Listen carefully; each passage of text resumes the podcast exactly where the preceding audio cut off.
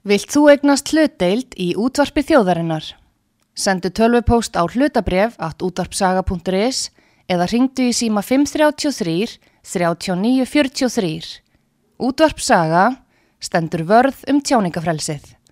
Síðdeis útvarpið á útvarpi sögu. Þáttastjórnandi Magnús Þór Hafsteinsson. Á sjó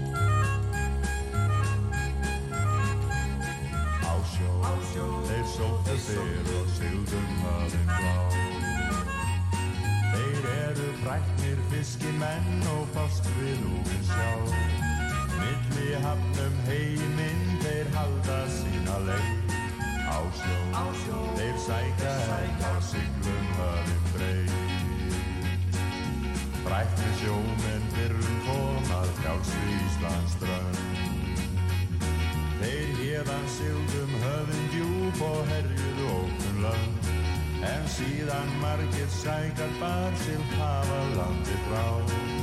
Bátar þeirra borist hafa bylgjum sjávar á Á sjó,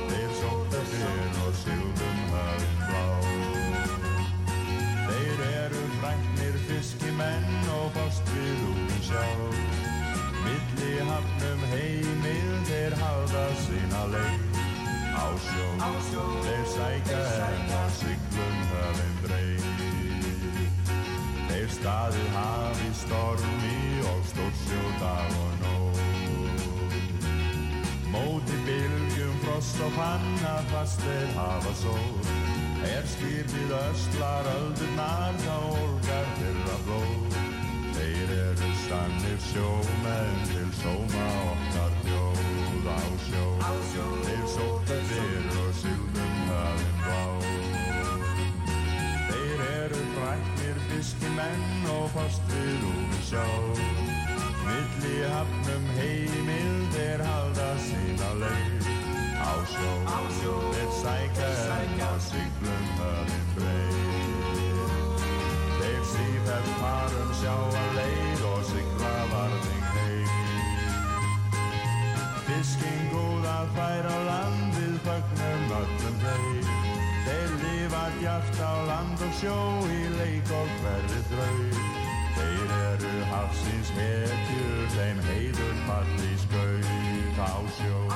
Þeir sóttu fyrr og sildum höfum blá.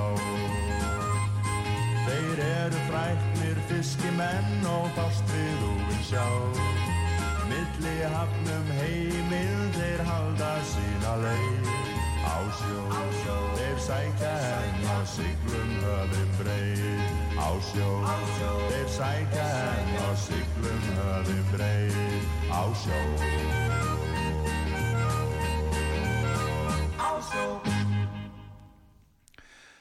Komið sæl ágætu hlustundur út á sögu, ég heiti Magnús Þór Hafsteinsson. Við förum hér í loftið á þessu 50 dags síðdegi og hingað er komin Svanur Guðmundsson, sjávarútisfræðingur og framkvæmdastjóri Bláa Hagkerfisins. Við ætlum að tala um sjávarútismál því að það er allt svo gaman að tala um það. Verður velkomin. Takk fyrir, Hvernig líkur það þér? bara frábærlega. Já, það ekki. Mm. Fallegu dagur og... Frábært viður, sólhækkar á lofti og bjart yfir öllu, snjórin hjálpa til og Já, maður kemst í svona smá vorfíling að maður er svona í svo slappi. gott fyrir, Hversu lengi það enst endist. gott fyrir páskana sem nóga snjó, Já, stutt í þá. Já, einmitt, nákvæmlega. Það er vonandi að vera ekki allir saman farin. Þú ert nú búin að vera í Nóri eins og ég, þú mást nú hvernig páskarnir eru þar, indisleir, oft, Já, sól og snjór. og- bara vest að maður, sko, snjóri var það svo djúpur að maður sá ekki, sko, maður sá ekki umhverf, maður, maður kerði bara inn í göngum. Já, það var í Trómsu, þú varst í Norður-Nóri, já, já, já. Ég var líka á Vesturlandinu í Nóri, þar voru vorin alveg indisleik, sko. Já. Það voru fyrir þar náttúrulega. Það voru ekki Trómsu fyrir í mæ. Eh, Það snjóaði einu svona frestaðist einu sinni hérna flugfarinu, við komumstum ekki heim eh, 11. júni vegna snjókomu. Já. Ég var í sn Trómsu snjóaveturinn mikla, ég veit ekki hvað það var, 94-95 eða eitthvað svoleiðis. Hann var rosalegur. Sko, þá, þá horfði maður niður á ljósastjöruna, sko. Það var jafnfallin snjór þegar ég var hérna på tvo metra. Já, þetta var líka svona snjóaveturinn mikla, held ég. Ég var bókum inn á snjóavetur með ljósmyndum. Það var alveg ótrúlega að lendi því. Svo kom vorið þá bara hvarfið á bara eitt fyrir og þrý, sko. Já, ég, spá, ég spái því að það sól mun að hækka loft og veður mun lína venus, veður skáni. mál. Þú ert framkvæmdastjóri Bláa hagkerfisins, þú ert sjáorðsfræðingur, mentaður í háskólinni Trómsö, rétt, búin að vera viðlóðandi sjáorðu hér á Íslandi eh, alla þína tíð. alla mína hunds og Þú ert kvarta alveg upp tíð í þeim mikla útjálabæði grundaferði. Ná, rétt, rétt. Búin að pröfa allar þessar þætti fór meira sér í lagseldi og Já, já, voru fyrstu til þess að byrja þar og fyrstu til þess að óskafti gætrótaskiptum í sjókveildi. sjókvíaldi ég vona að það sé ekki gerast það sama hérna núna en eins og kuldum en Nei, vona að hefnist núna er, það er tölvöld mikið metri stikking sem við höfum á þessu í dag heldur þetta sé hægt fyrir vestan? Ég, Ég er bara, vona- ég, vona er- það ég er rosalega hættur við þennan ís og þennan kulda. Já, já, við skulum ekki vera að búa til einhver draugasöð. Þetta gengur vonandi. Þetta Já. þarf að ganga fyrir vestfyrring og þetta er eitt af besta sem við komumst við vestfyrðin. Já, já, ef þetta gengur. alveg frá því að við skárum niður kvótana á sínu tíma. Já. Það, er bara starrend. þú varst nú fyrir vestan þá ekki satt. Við skulum fara yfir allt þetta henni þættunum núna, en segðu mér fyrst, bláa hagkerfið, hvað er það? Bláa hækir er fyrirtæki sem ég stopnaði sem að sko, vinnur að því að um, það byrjaði þannig að ég gerði skýslu fyrir utaríkisráðara um þróunarsamvinn og sviði fiskimála. Mm Það sem að var að kanna hvað við ættum að einbeita okkur að í þróunarsamvinnu. Og þá skoðaði ég og, reikna, og skoðaði þess að þróunarsamvinnu eins og við erum að þróa hann í dag og hvað við erum að gera. Þá, þá tók ég eftir því að við erum ekki að við erum ekki að flytja út þá þekkingu og það sem við kunnum best. -hmm. Það er fiskuðustjórnun. Já, Og þau lönd sem að eru, uh, sko, eru eiga, þurfa á þróuna aðstofa að halda, búa mörg eiríki og, og, og eru með lögsögu og vita ekki hvernig þau eiga að nýta hana. mm. Og, og hérna, og þegar ég skoðaði byrju hvað eru þau að gera, það eru þau flestum tilfellum þá eru þau að láta aðra þjóðir taka þessar veiðiheimildi sínar og, og Evropabandalagi rússar og kínverður er mjög döglar í, í því og lofa þeim tilbaka styrkjum í formi þróunaraðstóðar. já, Það hefur oft leitt, oftast leitt til þess að þær auðlindir sem eru við löndið þeirra hafa verið ofnýttar eins og þessar þjóðir allar saman eru hafa hingandi gert og rússarnir og Evrópusambandi sérstaklega alvarlega Arðræna í ofnýtingu Ofnýt, harðrin, já. arðræna hérna, þjóðirna faktist og menn vita ekki hvað er að gerast í, í, í, og falsa aflatölur og, og hérna hreinlega. Og hafa gengið svo nærri mörgum stofnum að lokalsamfélagið í þessum eiríkjum hafi ekki einu sinni, fá ekki einu sinni að berga sem er fisk sem búa þar. Að þá sá ég uh, það bara það að, að menn vita ekki hvernig þeir eiga stjórna sinu fiskuðu Mm menn vita ekki hvernig þeir eiga að gera hlutina og bjarga hérna sér með sinn eigin fiskiðnað. Mhm.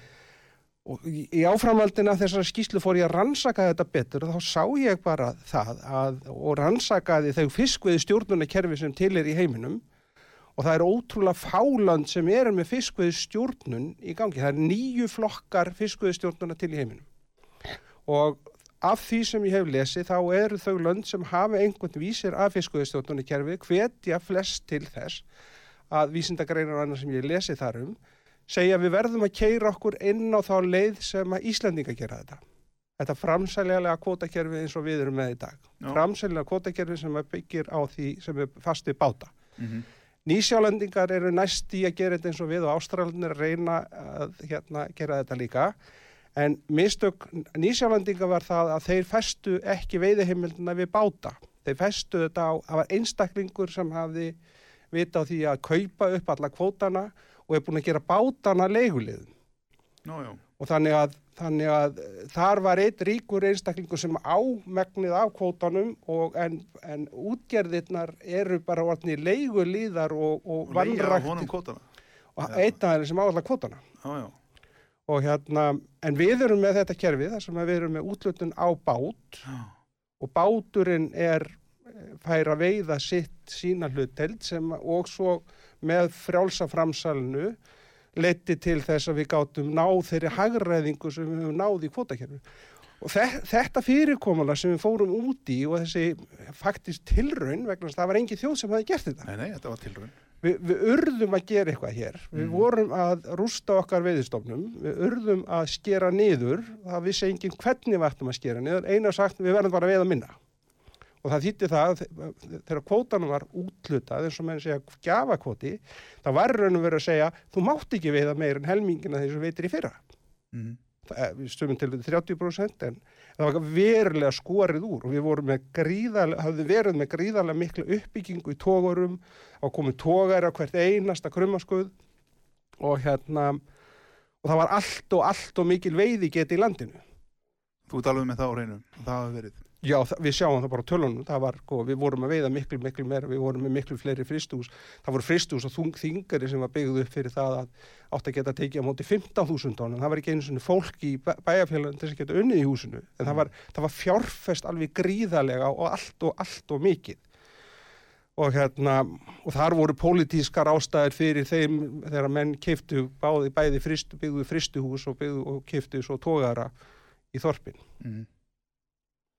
Þannig að það var svona byrjun á þessu, þessari tilraun sem við fórum í héralandi og tilraun sem var gríðarlega sásökafull. Já. Það var, veist, við fórum, við fórum hérna, það leiddi til mikilla samþjöppunar, það fækkaði bátum, fyrirtæki fóru á hausinn og við fórum út í alls konar aðgerðir með, með Aflaheimildir fluttust hlutafjársjóður, til og... fluttust til og bátar, Fólk satt eftir í þorpunum kannski, Já, já. með verðlausar húsegnir. mikið, Þetta var mikill fórnarkostnaður. Þú ert sammála því?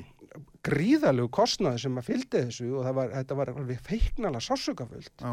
Þú sér það að, að hérna, það voru, það voru hérna, ég mun að taka saman úr hagstofunni, sko, það voru 10.000 fis- fólk, 10.000 mann sem unni fiskiðnaði Mm. fyrir 1900, og- eh, 1985 til 1990. Mm Það voru 6.000 manns við veiðar.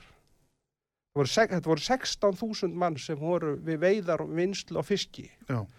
Núna eh, 2022 eða 2021 þá erum við með 8.000 manns hafi fækkað um En, eh, 8.000 manns í við veiðar og vinslu á fiski á Íslandi frá því fyrir framsalið. Já, en er það ekki, er það ekki, er það ekki, er það, er það framsalið, er það ekki frekar bara tækni þróun, tækni breytingar, við höfum náttúrulega séð tækni byltingu í fiskina. Líka, líka. Þar hefur þú verið að benda á að þar höfum við gríðarlega þekking og ég er alveg sammálaðið því Já.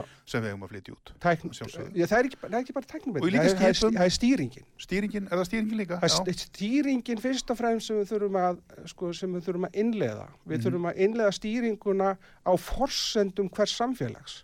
Mhm. Samfélagin þurfa að byggja sig upp með þróunni, þróast með kerfinu. Mm. Við, þess, þetta ferli sem við fórum í gegnum uh, var, sko, það var ekki bara settur á kvótið þannig að það var minga veið, veiðiheimildunar í upphafi, heldur líka gátum en sótt sér aflareynslu á hverjum tímabil. Það var, það var, við fórum með þetta sóknarmarkstímabil sem að Mhm. ég bölvaði mikið á sínu tíma. Var, það var alveg gríðaleg sóun í því líka, það, það kapp sem að það var. En við þann yfirgang, sem, eða sem sagt, umbreytingu sem átti sér stað í sóknarmarkskerfinu, þá, þá voru þeir sem voru hæfari bættu við sig, þeir sem voru minna hæfari með lerið báta, þeir minguðu faktist. Mm. Þannig að það kapp sem var í sóknarmastímabilinu, það var um, hluti af nöðsynlega umbreytingu. Ég sé það eftir á. Þó ég hafi bölvaði þá, þá sé ég núna í þeirri þróun. Þetta var veru nöðsynlegt til þess að ná sátt innan kerfisins. Því að þegar, þegar kvótið var settur á, þá voru þeir sem voru ósáttu við kvótakerfið, það voru útgerðamenn. Mm. Það voru allir ósamal, það vildi enginn þennan kvóta en þeir sem sáu, hugsuðu aðeins rökrétt og, og hérna sáu að þetta var eina rétt af eina mögulega sem við gætu gert. Við urðum að hætta að veiða svona mikið. Við máttum ekki rústa stofnanum okkar. Síðan kemur sko framsalið sem að leiði til enn meiri saminninga sem bjó, bjóð til meiri hérna hagræðingu sem leiði til fjárfyrirskækjandi. Þú mátt ekki gleyma því líka heldur á þessum tímabili var það þannig að það lánaði engin út að báta. Mm. Það var bara lánað út að steipu. Bankarnir og mikið af þessum fyrirtækjum voru bara rekið með skamtímalánum og afurðalánum og hérna það, var, það voru engin þessi lána fyrirgæsli eins og þeir núna, hún kom ekki fyrir en við fórum með þegar fyrirtækin byrjuðu með hlutafjármarkaðin. Fyrirtækin faktisk byggu til, sjáruðsfyrirtækin byggu til hlutafjármarkaðin Jú, jú. e- eftir að hérna, því á þeim tíma voru það stærstu hlutafar og stóru fyrirtæki sem áttu sjáurúsfyrirtækin minna helmingurinn af kvótanum var í eigu bæjarútgerða Mhm. og, og, og, og, og hérna ríkisfyrirtækja sem, að, sem að hérna öll töpuðu pening. Þau fyrirtæki lögðust öll saman af. Bærin losnaði út úr útgerðu, bæjarútgerðum og bæjar ábyrðum við þessi fyrirtæki. All, alla bæjarútgerði lögðust af. Og menn fóru að fá lána út á hvað? Og veitan fiskin í sjónum? eða? Þegar hlutabræðamarkaðurinn kemur, Mm. þá myndast verðgildi í kvóta og, og með framsalinu, þá sáum við þá fór, færðist verðgildi yfir á bátana og kvótan. Mm. Og þannig sáum við það, það, er, það er meira öryggi í kvóta veðsetningu heldur en í steinsteipu vegna að þar var verið að loka húsunum. Mm. Þannig að umbreytingin var líka á lánamarkaði í sáarúti. Þú segir að þessi sjártvíkið þau fóru á markað, við munum alveg eftir því þegar það var, og, en síðan hafa þau öll horfið aftur á markaði. Já, markaðurinn var ekki nú þroskaður. Man, menn hérna, Eða flest þeirra horfið á markaði. ég fór nú inn í hérna yfir, yfir greininguna á verðmæti sjávarúts fyrirtækja Mm. og þá voruðu öll verðmætin út frá upplustnaverði. Mm eins og fyrirtækin eru bara leist upp og seld þá út á kvótaverði. Já. En það var engin vilji til að selja upp og leysa upp fyrirtækin. Fyrirtækin örðu og þau voru komin, sko verðgildið þeirra þegar ég kom þarna inn rétt fyrir árum fyrir 2000, þá var verðgildið þessar fyrirtæki orðið allt og allt og hátt.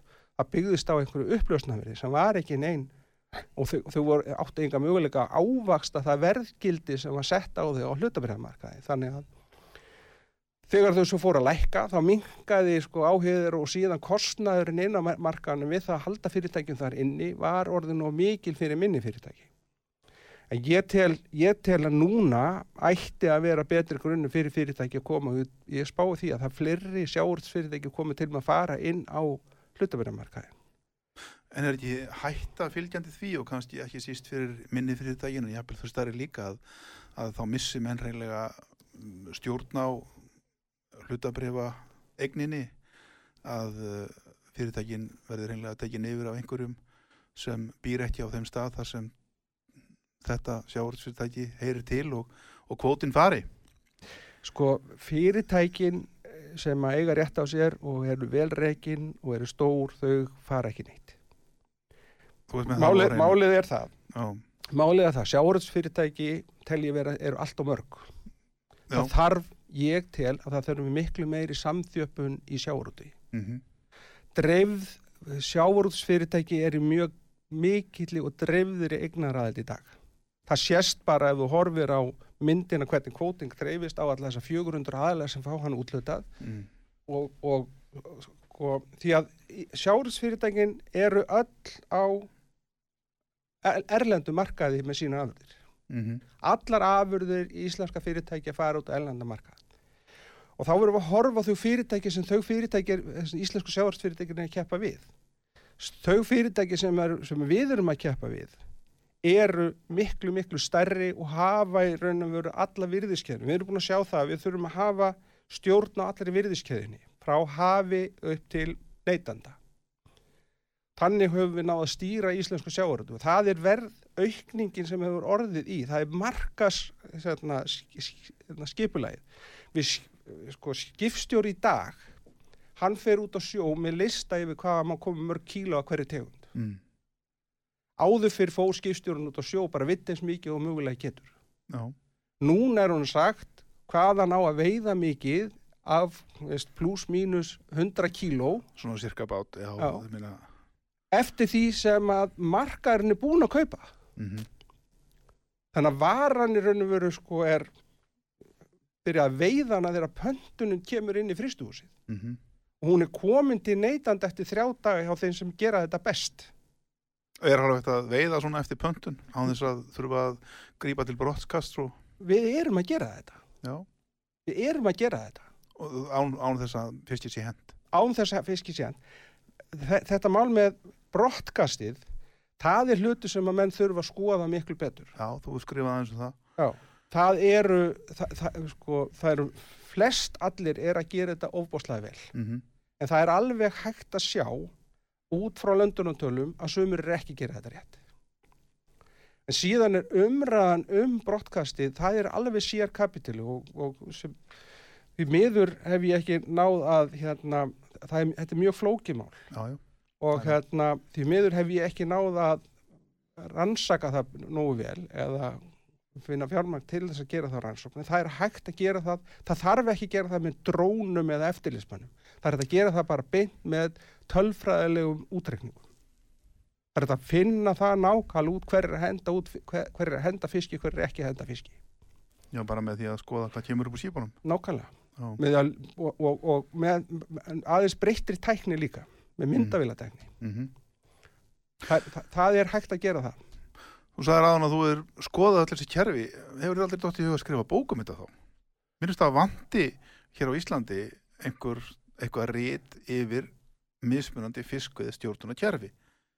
Þannig að við sjáum, ok, við erum með þetta kerfi hér á Íslandi, en hvað er einir að gera? Hvað er að gera í Færium, hvernig er þetta í Nóri, hvernig er þetta í Kanada, Ástralíu, Nýja Sjálandi, svona lönd sem við getum borðið okkur saman við.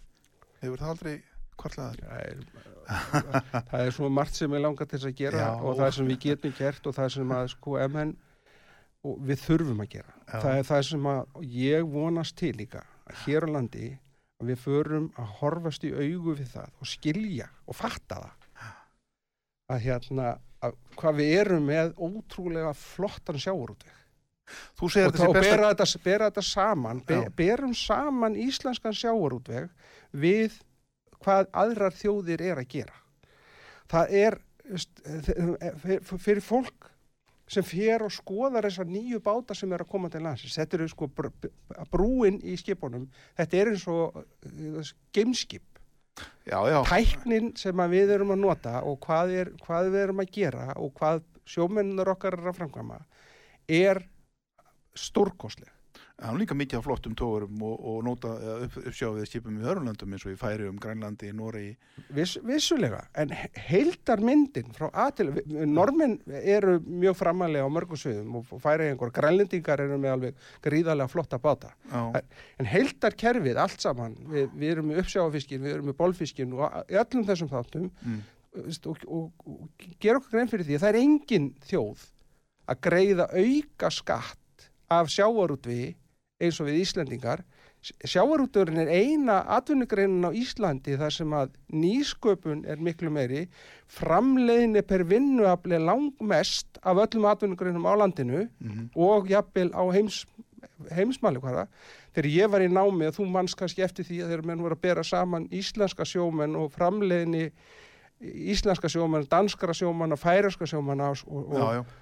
Að þá vorum við með þrefaldi, fimmfald meiri framleiðinni per sjómann heldur en þjóða sem við erum með okkur saman við. Mm, Uh, þannig að við, við, erum að gera, við erum að gera alveg ótrúlega flotta hluti og ef að, þegar við hættum að reyna að kroppa augum hvort öðrum og býta hælinn af, af, af, af, af fólki í, sko, og, og umræðinin á alþingi Íslendinga meira að segja. Hún er þar. Þegar við hættum að vera með þetta, þessa öfund og væl út í útgerðina og kvotakerfið og förum að menta fólkið okkar mm, börnin okkar í líffræði, verkefnum hafsins og öllum þeim þáttum sem snúa að hérna umhverf okkar og náttúrin sem við erum með henni kringum og sem við erum að stýra. mm, Þegar fólkið okkar, börnin okkar fá sína áhuga þessu, að þá sko svo hugmynd mín að flytja út fiskuðistjóndunni kerfið, takmarkandi þáttu verið skortur á háskólamentuðu fólki. Já, ef við færum þó ég hefði hundrað manns í að fara í þau verkefni sem býða okkar út í heimi Mm. með að hjálpa fólki með að stýra sínum fiskveðum vistkerfum þeirra og þá umhverfistjórn sem við erum, keirum á hér það, þar gætum við gert langbest fyrir heiminn og fyrir börnin okkar og mentun barnan okkar Þú telur að okkar kerfi sé það besta í heiminum? spurning, Engin spurning. engin Og spurning. þú vilt flytja það út. Já. Er eftirspurn? Þ- þ- fólk veit ekki að við, að við erum að gera þetta það veit engin Veit það ekki að því? fólk veit ekki hvað við erum að gera það. Jú, nokkur lönd vita það. Ég er með bref og beðinni frá Kenya, þar sjáurðsraðar í Kenya óskar eftir að koma á fund með íslensku stjórnvöldum Já, og er búin að býða eftir, kostningarnar og COVID hafa hérna, trublaða verkefni. Þeir býða eftir að fá að koma. mm Þegar það verkefni spyrst út og þegar aðra þjóði vita hvað við erum að gera, og, og við förum að segja frá því, við getum, við erum með kerfi hérna sem, sem við getum hjálpað eitthvað við að setja upp á þeirra fórsöndum, það geti því. Á þeirra fórsöndum, með þeim hraða, með því umhverfi sem þau búa við á hverjum tíma. En það þarf að vera ákveðin grunnþekking inn í landinu vegna þess sko, eh, og það þarf að vera ákveðin þekking, við getum ekki farið í mest vanþróðu þjóðunar Ég líkti því við að fara inn vanþró, mest vanþróðu þjóðuna, það væri svona svipað og við færum inn, mætt með upp í Dritvík 1850 með spjaltölfur og hérna skjalatöskur og talaðum þar við sjómennina sem var þar í hellónum að fara að skrá abla. Veist, við erum komið það langt, við verðum að fara inn í lönd sem eru með, aðeins, með, með innviði til að skilja tungumálið okkar. Því að við erum, við erum, við erum svo tæknivætt.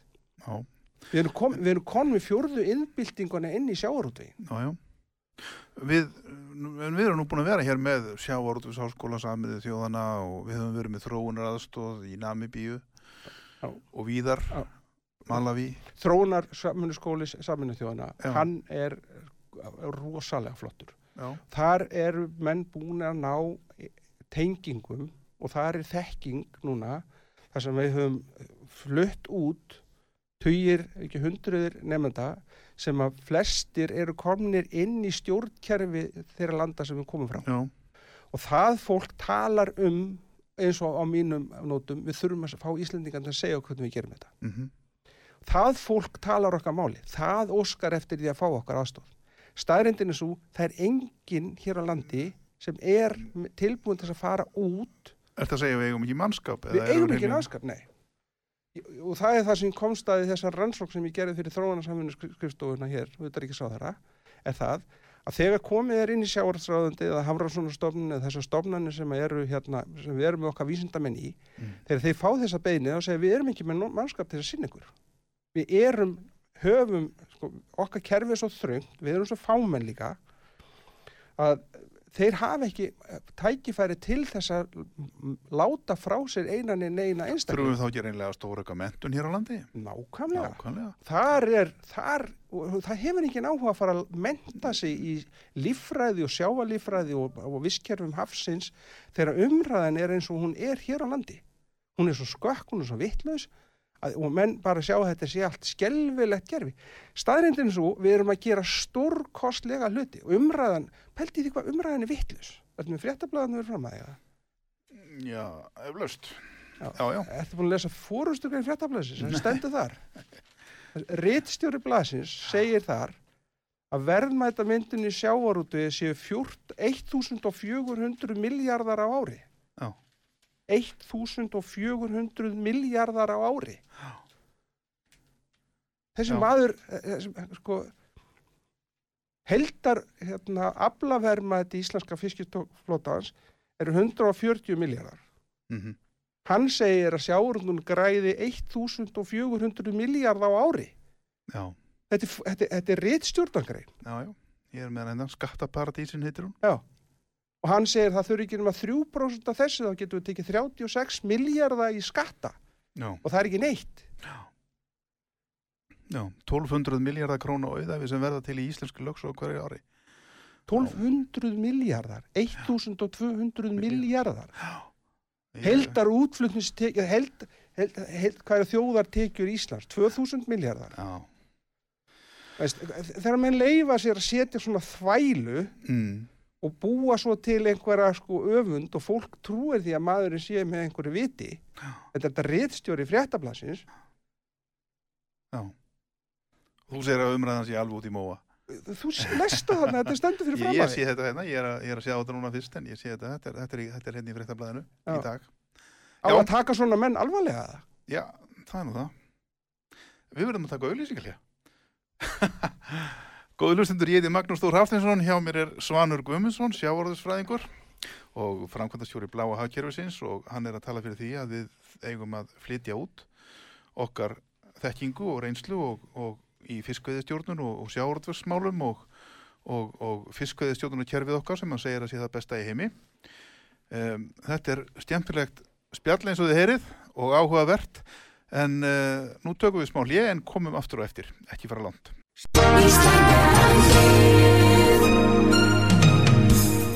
Styrtareikningur útvarpsögu í Íslandsbanka á Granda.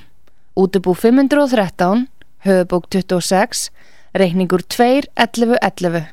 Nánari upplýsingar á útvarpsaga.is. Takk fyrir stöðningin. Síðdeis útvarpið á útvarpi sögu. Þáttastjórnandi Magnús Þór Hafsteinsson.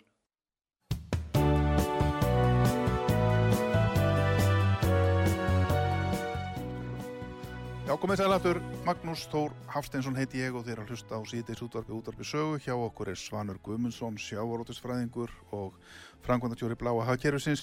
Við höfum verið að ræða hér um fiskveðastjóðunarkerfið og, og um, hann verið að lýsa sínu áleiti á því.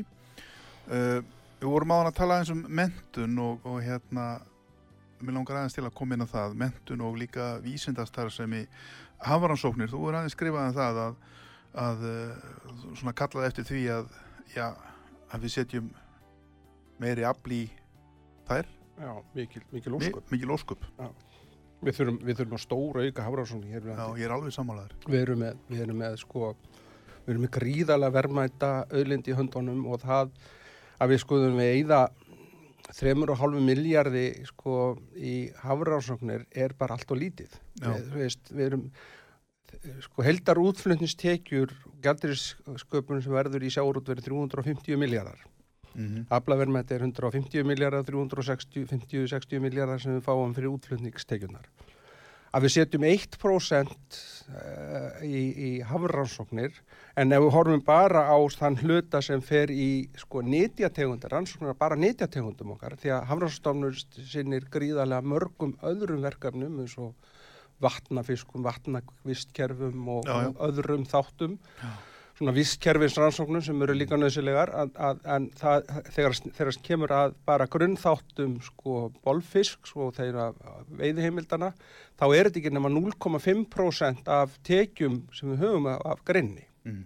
sem, er, sem, sem allir sjá að, að væri að reyka fyrirtæki sem var í nýsköpun og í matvælaframleyslu það veist, myndir eða 0,5% í sí, sínatöku það er bara hættulegt þú veist við vitum ekki og það er sláandi að lesa skýslur hafrannsstofnunar Já.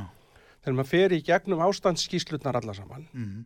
af, yfir alla nýttjastofnuna ég veit ekki hlutfalli, ég held að sem helmingurinn að það sem að stendur í fyrstu setningunni í ekki eru nægar upplýsingar til þess að mesta ástand stoppsins Mm.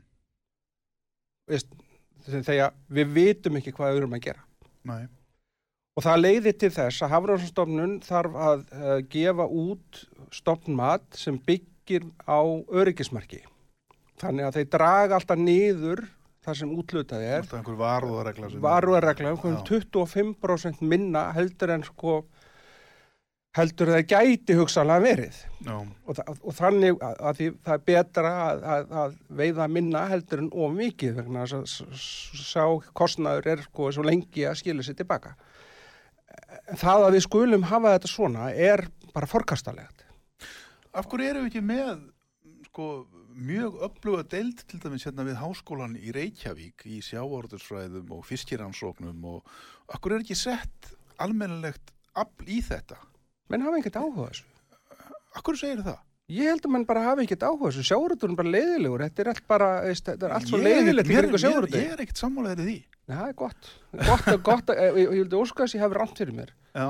Ég, ég skil það ekki Sjávarútur er mjög stór skemmtileg grein og lífið í hafinu, lífrikið í hafinu og allt þetta. Þetta er, þetta er mjög áhugaverð. Magnús minn, við erum nördar í þessu. Það eru nördar, er það? Er það virkilega? Við, ég held það. Ég meina, þegar ég fór í námi í háskólinni í Tromsö, þetta var fyrsta skipti sem var einhver háskólan mentun, það voru fimm aðrir búin að fara áður Já, það er bara sérstakur sjávarútus háskóli í Nóri, í glæsilegum húsakinnum og með mjög öflugur og allan hátt. stórkostlegur.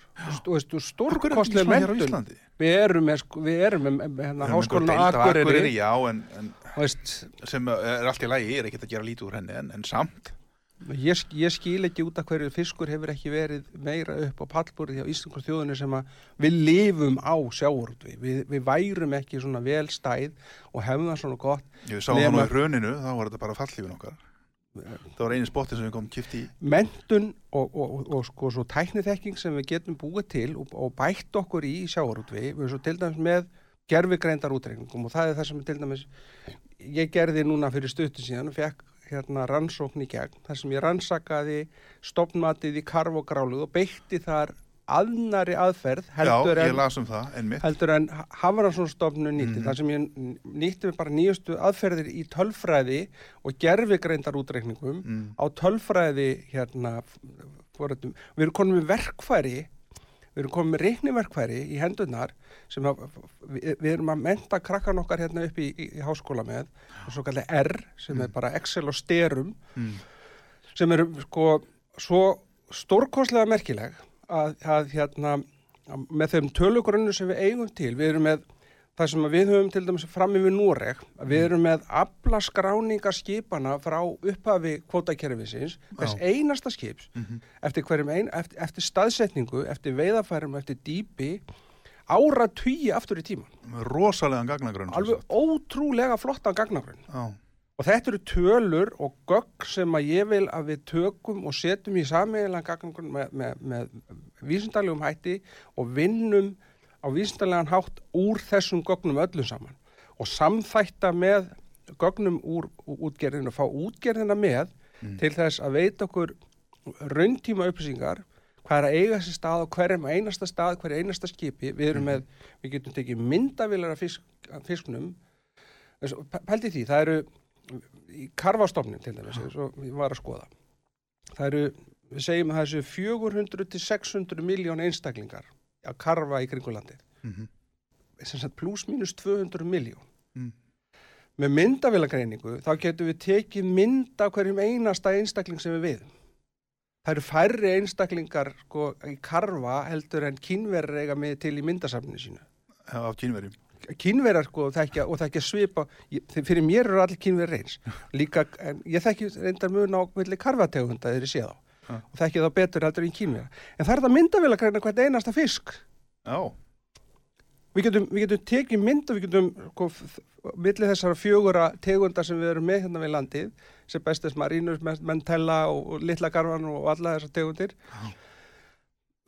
S- setjum þetta allt saman í einn feitan gagnagrunn mhm, veitum aðgang háskóla semfélagsins að gagnagrunnum og látum krakkan okkar leiki í tölunum já, og, og, og láta gerfikarindana vinna með þessar tölur. Mhm, þá fá, ég veit ekki hvað við fáum út úr því en ég er alveg vissum við fáum einhverja upplýsingar sem er á, anna, sem eru forvinnilegar já, og það er, þegar ég gerði þessa rannsókn með karfan og, og gráluðuna og hérna núna, þá komumst við að fullta þáttum. Mhm. eins og, eins og til dæmis og þetta, þetta er, verður of ég get ekki Og nema að tæknilegt. þetta myndar, þetta verður of tæknilegt en við Já. komumst að nokkrum þáttum sem að eh, þarf að skoða miklu betur já, eins og til dæmis hvaðan karfin kemur inn í stofnin hjá okkur. mhm, Við erum að fá inn karfa á öðrum aldurshópum heldur inn sem nýliðun, já, virðist vera. Og það virðist vera mismunandi eftir svæðum. Við vitum ekki hvar og hvernig eða af hverju. En rannsóknirnar eru að mestu stæsnuleita áherslan á þoskin og svo lónuna en karfin og þessar augategundir eru bara utan bara getu stofnuna til að sinna sínu hlutverki vegna þessar rannsóknir of litlar. Höfum verið að eyða of mikill orku í það að endalaust að vera að telja og mæla fiska? Það, sko, norðmenn, Hefðu við átt að beina meiri afli í beinar vistfræði rannsóknir? sko, áherslu, áherslur hérna Hafranssonstofnunar á sína rannsóknir, það, það eru 15 hlutverk sem Hafranssonstofnun þarf að sinna. Já, Og hvernig áhersluröðin er, þeir reyna að sinna öllu sínu hlutverkum og reyna eftir bestu geta að gera það sem þeir eru að gera. mhm, Og það er mjög flott vísindastarf innan Hafranssonstofnunar. mhm, Og alveg feiknulega hæfir vísindar sem við eigum þar. Alveg skemmtilega flottir nördar margir hverjir. Að hérna, en þeir hafa bara alltaf lítið tíma og eru að dreifa kröftin sínum of mikið, þannig að það ná ekki að sinna nógu mikið tímanum á hvert hérna verkefni. Og þannig að það, það er verið að dreifa of mikið aðteklina og of marga þætti af því að menn eiga að sinna þessu hlutverki í samkvæmt lögum. já, Það er bara að laga umhverfi hafrannsvastofnunar. Við gætum átsosa sumu að þessu verkefnum. Ég veit ekki hvort þeir ætti að vinna meira með vistkerfin eða hvort þeir ætti að vinna meira með hafströymarannsóknir eða hvort við ættum að eh, leggja meiri áherslu sem ég hef alltaf talið við verðum að setja upp fjölstöfnamódel. Mhm. þannig að við sjáum samspilstofnana og það setti ég fram í einni greininu minni fullt af spurningum um það eigum við að veiða svona mikið á loðnu til dæmis? Borga sig, borga sig til dæmis að veiða ekki alla loðnuna Mér fannst það mjög áhugaverð pæling. Ég var einmitt að lesa þessar greinar, þessar greinar þínar má margar nálgasta inn á mbl.is og ert líka með bloggsíðu Já. á mokabloginu. Já. Og ég las einmitt og var að skoða einmitt þetta með loðnuna og það fannst mér svolítið áhugaverð. Þar bendur á það að, já, eigum að veiða svona mikið á loðnu. Er ekki betra að veiða hana þegar hún er verðmættust og Mm, það dýrt að ná í hana þegar hún er með kostar minna og, og kannski og dýrt að sækja hana langt út í haf og allt þetta slita á bú- búnaði og tækjum og allt þetta. já, já. Við, er sko, þorstofnin til dæmis og hérna, bara, bara þorstofnin er einu og hálf, einu og hálf miljón tonna Mm. og við vitum það að og hálf miljón tonna þarf 15 miljónur að borða Mhm. eitt kíló af fiski verður eitt kíló á holdi eða semst eitt, hérna, nei, tíu kíló þar til þess að búið til eitt kíló á holdi af fiski Mhm. og fiskur, þryggjára þorskur hann getur sko farið úr einu kíló upp í sex kíló á tveimur árum ef hann fær nóg ég þetta. Já.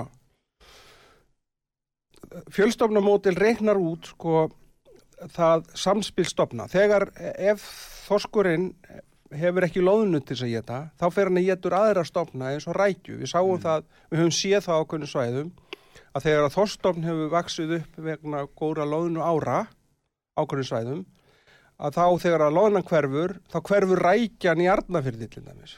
Já, Þá- en eða- hún og Breiðafirði. náttúrulega miklu næringaminni heldur en lónan, sko. Það er eins og ég geta rökkbröð við hlýðin á, sko, steik. Ja, hún er reynda feit, en já, já mikil ósköp, mikil ósköp. Hann getur það sem Já, er þá í kringum sjálfsögðu, hann. Og svo, sjálfsögðu, og svo eins og margir segja, það kannabellismi sem á sér stað, hann fer að geta ungviðið undan sér. Já, Karvin gerir það líka og hérna, þannig að þetta samspil þessara stofna, því að við verðum að horfa á hafið í ring, ringir Já, já, ég- landið mikil eins og bara eitt fiskiker. já, já. Og- Og, og ég, ég hef einmitt verið svolítið og mikið að velta þessu einmitt fyrir mér, sko. Að hérna, þetta samspil milli stofna og uh, þetta með lónuna, að hún er nöðsynlegt, hérna, uh, segir maður á ljótur, íslensku input, eða sem sagt, hún, hún, hún þarf að koma inn á grunnið. Hún þarf að hrygna, hún þarf að drepast, hún breytist í næringu. Þetta er ekki, þetta er ekki eitthvað sem hverfur. Þetta er undistaða fyrir sko, þessa bólfistofna hina að þeir, þeir, þeir nota þetta sem æti. Og, og, og, og af því að þú ert nú mikil tannlakall að, að þú myndir reikna það út. Hvað þýðir allir fyrir okkur ef okkur tekst að ef við minkum aðeins loðinu veðina, leifum þessar loðinu að regna og drepast, til dæmis hérna við Vesturland og, og inn á Breiðafyrð og, og fjörðunum fyrir vestan og allt þetta og bara grunnslóðinni að, hvað þýðir það fyrir okkur? Ok, við veiðum kannski einbyttum okkur frekar að því að veiða loðnuna í, í, í hróknatöku og fristingu reynum að draga úr bræðslu við honum. Leifum hennar regna og drepast. Og ef það skilar því síðan að við fáum aukin fallþunga í bólfyrstofnum það er kannski erfitt að sanna þetta. En hvað mun þetta þýða í krónum og aurum skilur við Sko, við getum alveg reiknað þetta í krónum og aurum, það, það, það, það er... en það, það er enginn að leika sér þessum tölum sko. Ég er Nei, bara að kalla því að menn leiki sér að þessum tölum. sér, man þarf að gefa sér svo marga fórsundur Já, já, þetta er bara fabul, vissulega. þetta er bara, á þessu Þetta stíði er þetta bara fabulering fabuleringar, ég er alveg samanlega því. En- en, en þetta það þarf að gera þetta. Já, þegar ég kom úr námi frá Tromsö á sínu tíma og talaði um fjölstofnamótil og hleyjaði mig, hvað, hvað þýði þetta orð? Já, menn vissi ekkert hvað það þýtti nei og bara þegar ég byrjaði á þessar skýslu þá kom einn útgerðamaður til mér og sagði, "Hva- hvað ertu eiginlega búin að tala lengi um þetta? Hann. mm. Ég sagði, 35 ár við erum nokk, núna fyrst að fatta hvort að beina já, Veist, við, við, erum, við erum með sko, þetta, fjölstofnamódel eru gríðalega flókið hérna, samspil stopna við getum gefið okkur fórsendur en það er gögn ég tel með það tímaræðir sem við eigum til í gögnum sem að, sko, engin ennu þjóð hefur. Normenn, vandamál þeirra, þeir geta ekki gert það. Mm. af því að þeir hafi ekki þessa tímaræði sem við erum með. Nei. Við getum breytt. Norm, talandum sko hafrannsóknir og Noreg að því þú varst að hæla normunum og ég get hælt þeim fyrir það. Þeir, þeir fóru í gegnum settu af stað er búin að skilna þessi fimm ára verkefni. Mm. þar sem við fóru í gegnum hvaða aðferðið þeir ætti að nota til þess að bæta sína hafrannsóknir. Og fimm ára projekt Já. reddusverkefni þeir eittu í það 150 miljón norskum, einum og halvu miljardi, helmingun af því sem við veiðum í Hafránstofn í dag, Já. í þetta verkefni. Bara að finna út hvernig getum við bætt okkar rannsóknir. Já, já. Og hérna, og þeir komust að því að þeir gátu fært til áherslu, því vorum að tala um áherslubreitingar og annað, þeir gátu, sko, þeir, þeir töldu að þeir gætu minga röllin, fækka röllstöðunum Mm. og einbeitt sér að öðrum þáttum frekar. Ok. Ég veit að þessar aðferðir norðmannna bæ- sæta mikill gaggrinni hér upp í Hafrannsstofnum. Þeir eru ósammálaðum hvernig þeir breyttu sínum vinnuaðferðum en það er bara rökrað sem akademiðan þarf að taka Já, já, og, og, og, og bara er besta mál. Mhm. En það sem að ég vil sjá meira og talandi um mentununa, ég vil sjá meira af ungu fólki fara inn í lífræðina, fara inn í tölfræðina með þessi nýju verkværi sem við erum með í höndunum, bæta þannig rannsóknarvinnina á tölukóknum, aðgengina þeim og reyna að sjá út úr tölunum sem eru fyrir framann okkur sem við eigum til, Mhm.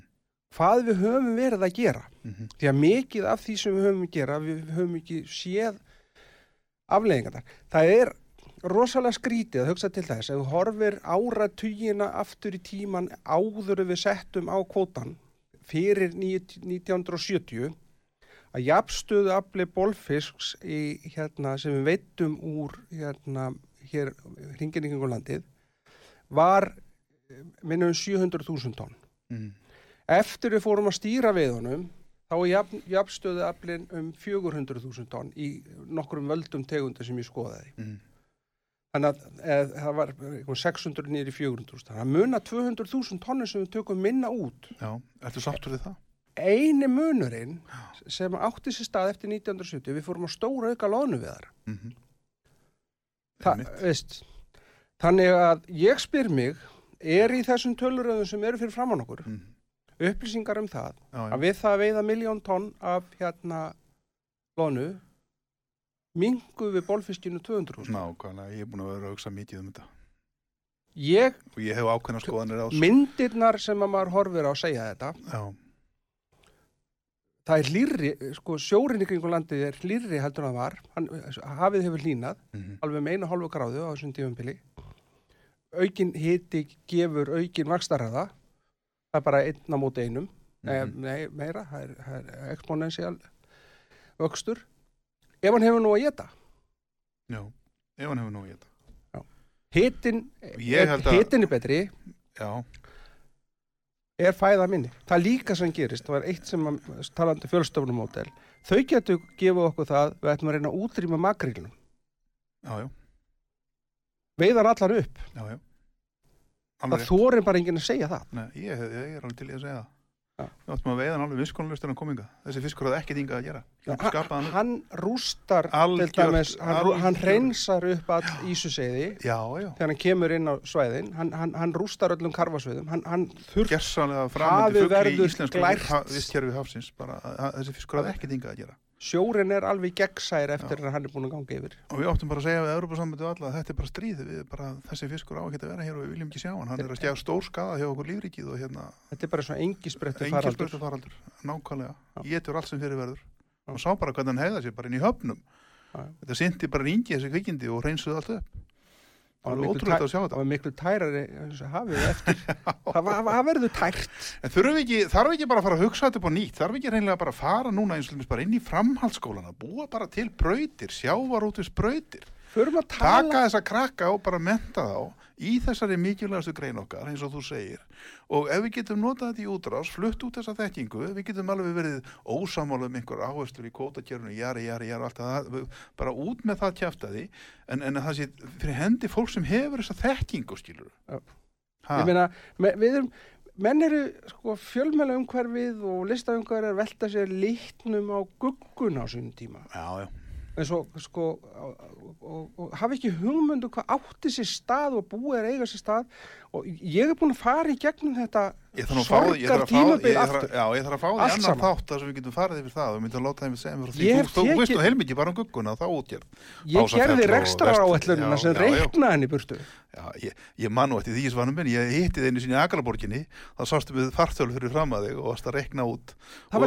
Þú, sí- þú síndir mér á, í Excel-skjali að það borgaði sér frekar að hafa gugguna á rækjuveðum og flæskahattinum Já.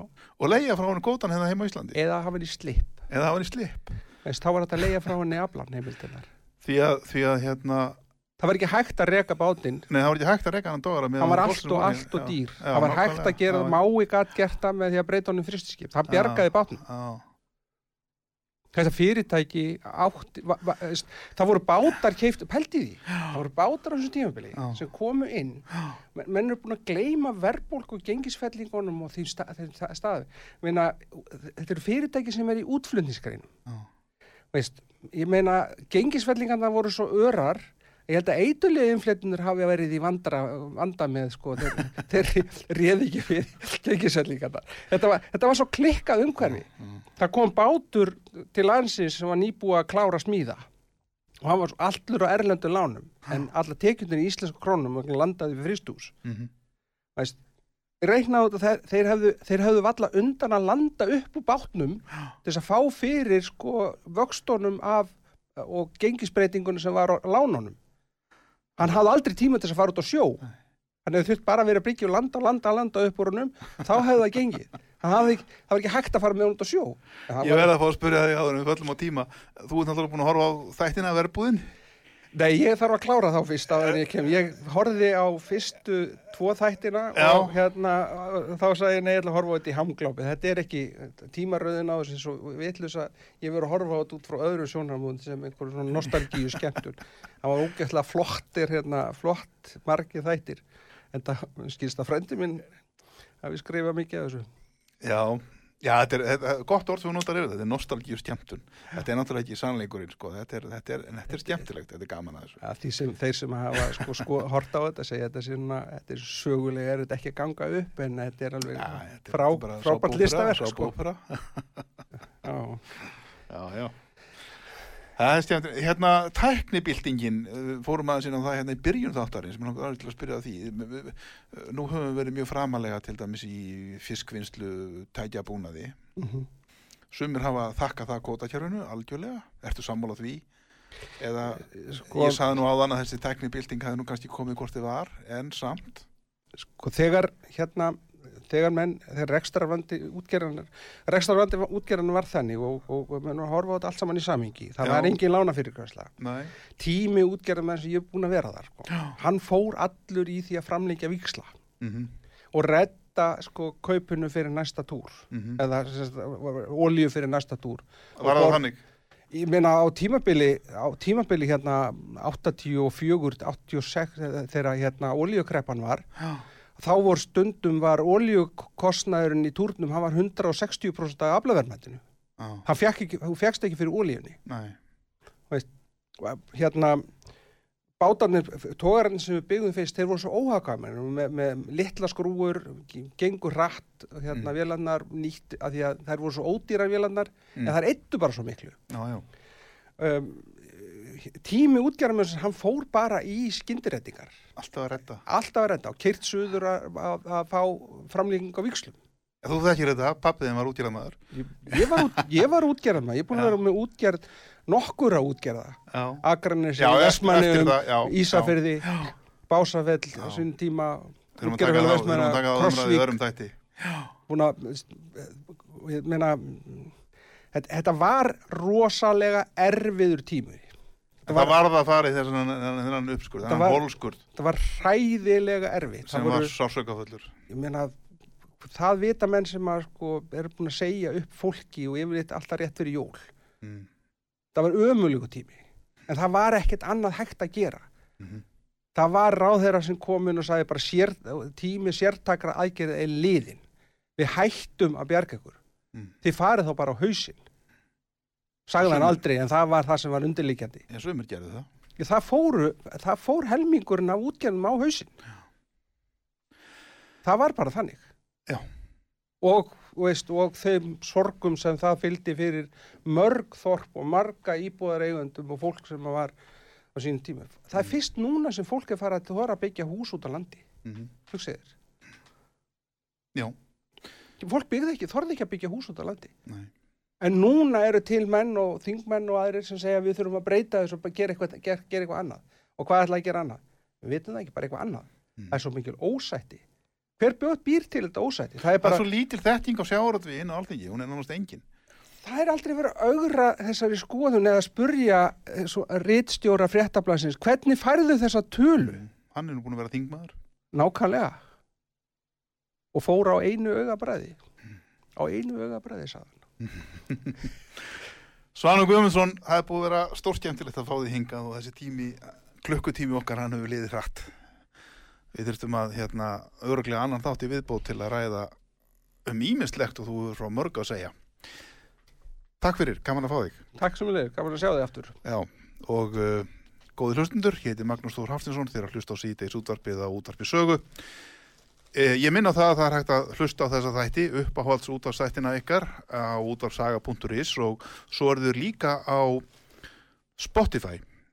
Þar er síðdeis þátturinn eða síðdeis útvarpið og hægt að fylgja því þannig að það er hægt að hlusta á þessa þætti hvar sem er, hvenar sem er um allan heim og jafnvel líka út í geim en ég kveð eigiði góða helgi, förum varlega, verðið sæl.